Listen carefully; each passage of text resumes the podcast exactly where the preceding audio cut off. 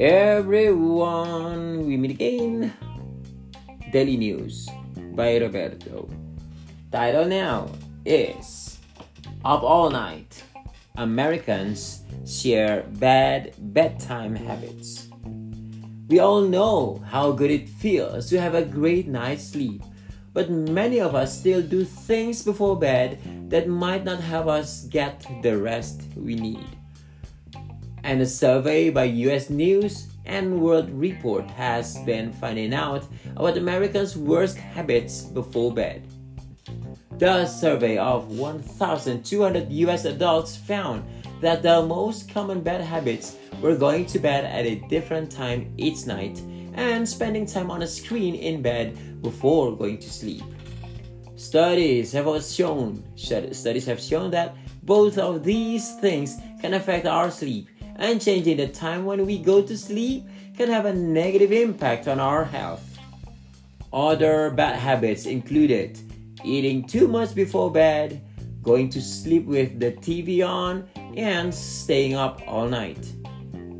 And the survey also found that 21% of people never or rarely wake up feeling well rested. Another thing that can make our sleep worse is when our heads are full of worries. Americans were asked about the things that worry them most before bed. Inflation was the number one thing, followed by COVID 19, gun violence in the US, climate change, and the 2024 presidential election. So, what are people doing to improve their sleep? According to the survey, couples are trying out different sleeping arrangements. About 67% said they prefer to share a bed with their partner, but one in three like to sleep in a bed of their own. Ooh. And 41% said they like to have their own single duvet when sharing a bed, something that has been called Scandinavian sleeping because it is quite common in countries like Denmark, Norway, and Sweden.